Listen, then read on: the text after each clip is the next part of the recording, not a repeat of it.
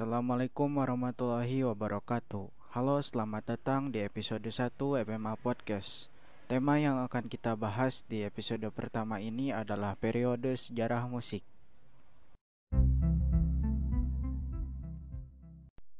Kembali lagi ke tema kita akan membahas tentang dari awal lahirnya budaya musik sampai bisa universal seperti zaman sekarang semua orang bisa berekspresi dengan musik kita langsung aja loncat ke kronologi atau periode sejarah musik yang akan kita bahas kali ini. Sebenarnya, kronologi sejarah musik itu sangat luas.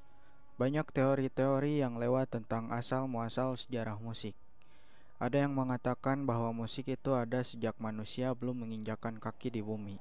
Bahkan para ilmuwan pun berpendapat seperti itu.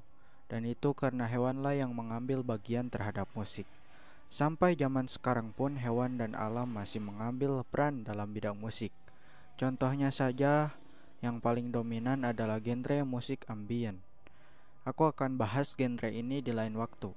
Sekarang akan aku berikan kalian kronologi sejarah musik yang dianggap oleh para ahli sejarah atau dalam bidang musik disebutnya itu para musikolog yang berpendapat bahwa terdapat ada enam kronologi atau periode sejarah musik yang dianggap memiliki gaya tertentu dan secara signifikan berpengaruh terhadap berpengaruh besar terhadap musik zaman sekarang yang sudah universal ini. Yang pertama adalah yaitu musik abad pertengahan yang dimulai dari sekitar 500 Masehi sampai 1400 Masehi. Musik di abad ini merupakan musik era barat yang meliputi musik liturgi yang dipakai untuk gereja ketika beribadah dan musik sekuler yang non-religius tanpa ada hubungan agama sama sekali bisa bertemakan peperangan pada zaman itu, pengorbanan para prajurit, dan lain-lain. Pada masa ini juga terdapat dua jenis gaya musik yang umum, yaitu monofonik dan polifonik. Bentuk musik di zaman ini adalah Gregorian, yaitu berupa pujian yang dinyanyikan oleh para biarawan pada saat misa Katolik. Misa Katolik sendiri merupakan adalah rekat adegan dari perjamuan terakhir Yesus. Adapun bentuk musik yang kedua yaitu adalah plencan yang merupakan bentuk musik gereja pada abad ini dan melibatkan kata-kata dan nyanyian tanpa iringan atau instrumental. Yang kedua ada musik era Renaissance yang dimulai sekitar tahun 1400 sampai 1600. Musik di zaman ini berlangsung sesudah zaman pertengahan dan berakhir pada sebelum zaman musik barok.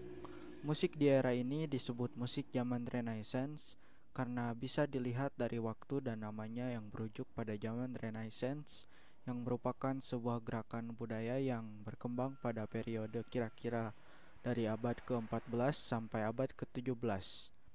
Dimulai dari Italia hingga menyeluruh ke seluruh penjuru Eropa. Di zaman ini pengaruh seni musik gereja mulai memudar.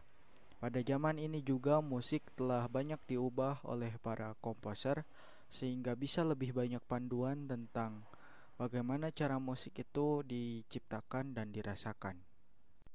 Yang ketiga masuk zaman musik barok yang dimulai pada tahun 1600-an sampai 1700-an. Musik di zaman ini dipenuhi dengan ornamentasi, tema yang jelas seperti pada Four Seasons, Empat Musim karya Antonio Vivaldi. Musik barok dipenuhi dengan tekstur polifonik dan homofonik yang berarti melodi didukung oleh harmoni. Di zaman ini ditemukan alat musik berupa piano kuno yang dinamakan harpsichord. Ini merupakan transformasi piano pertama. Para komposer di zaman ini telah bereksperimen dengan bentuk, kontras musik, gaya, dan instrumen. Instrumen terkemuka yang sering ditampilkan pada periode ini antara lain violin, biola, double bass kuno, harpa, dan oboe. Yang keempat, masuk zaman musik klasik. Ini adalah suatu zaman yang banyak diketahui di zaman sekarang oleh orang-orang awam sekalipun. Meskipun mereka hanya sekedar tahu namanya saja, pengertian atau definisinya mereka tidak tahu. Zaman musik klasik dimulai pada tahun 1700-an sampai 1810-an. Bentuk dan gaya musik pada periode klasik ini ditandai dengan melodi dan bentuk musik yang lebih sederhana. Musik pada zaman ini mulai banyak disukai oleh banyak kalangan, mulai dari kelas menengah bukan hanya bangsawan saja yang dapat menikmati musik pada zaman ini. Pada zaman ini, para komposer membuat musik menjadi lebih sederhana, mudah dipahami dan tak terlalu rumit. Meskipun sampai sekarang aku masih belum bisa baca not instrumen lain, yang aku bisa hanyalah baca tab bass dan not drum saja.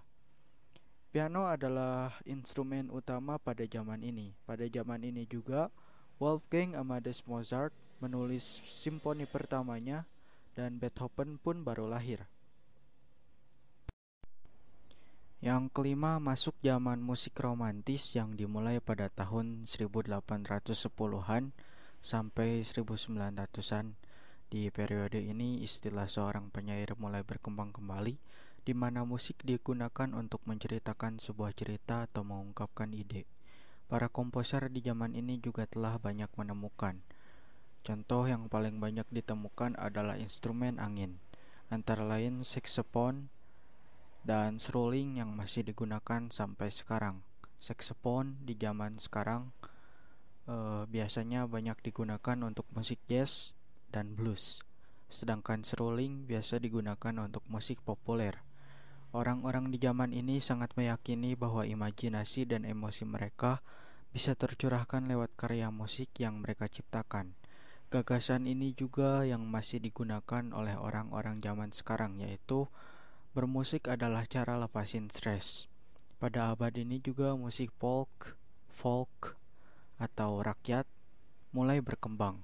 Musik folk banyak menekankan tema-tema nasionalis. Terakhir musik abad ke-20, akhirnya kita menginjak abad di mana kita hidup. Musik di abad ini terus berevolusi. Banyak inovasi-inovasi tentang bagaimana musik ditunjukkan dan dihargai. Di zaman ini, seniman lebih banyak suka untuk bereksperimen dengan bentuk-bentuk musik baru didukung oleh teknologi untuk meningkatkan komposisi mereka. Seiring perkembangan teknologi yang begitu pesat, instrumen elektronik mulai digunakan. Contohnya adalah dinamophone, theremin, dan lain-lain. Gaya musik yang terus berkembang antara lain impresionisme, uh, 12 tone system, neoklasik, jazz, musik konser, serialisme, change musik, musik elektronik, minimalis, dan romantisme baru. Itu dia tadi rangkuman lengkap yang aku sampaikan mengenai materi podcast pertamaku ini yaitu kronologi atau periode sejarah musik. Dari awal musik yang hanya dipakai di gereja untuk beribadah sampai musik zaman sekarang yang telah banyak berevolusi didukung juga dengan perkembangan teknologi yang sangat pesat. Terima kasih untuk kalian yang telah mendengarkanku di Anchor, FMA Podcast, dan untuk kalian yang mendengarkanku di channel YouTube-nya FMA, aku sangat berterima kasih. Jangan lupa untuk subscribe channel FMA, ikuti channel podcastnya FMA, aktif, aktifkan notifikasi atau tanda lonceng yang ada di sebelah tombol subscribe, agar bisa mendapatkan lagi konten-konten penjelasan tentang seputar musik dari channel ini. Akhir akhir kata sampai jumpa.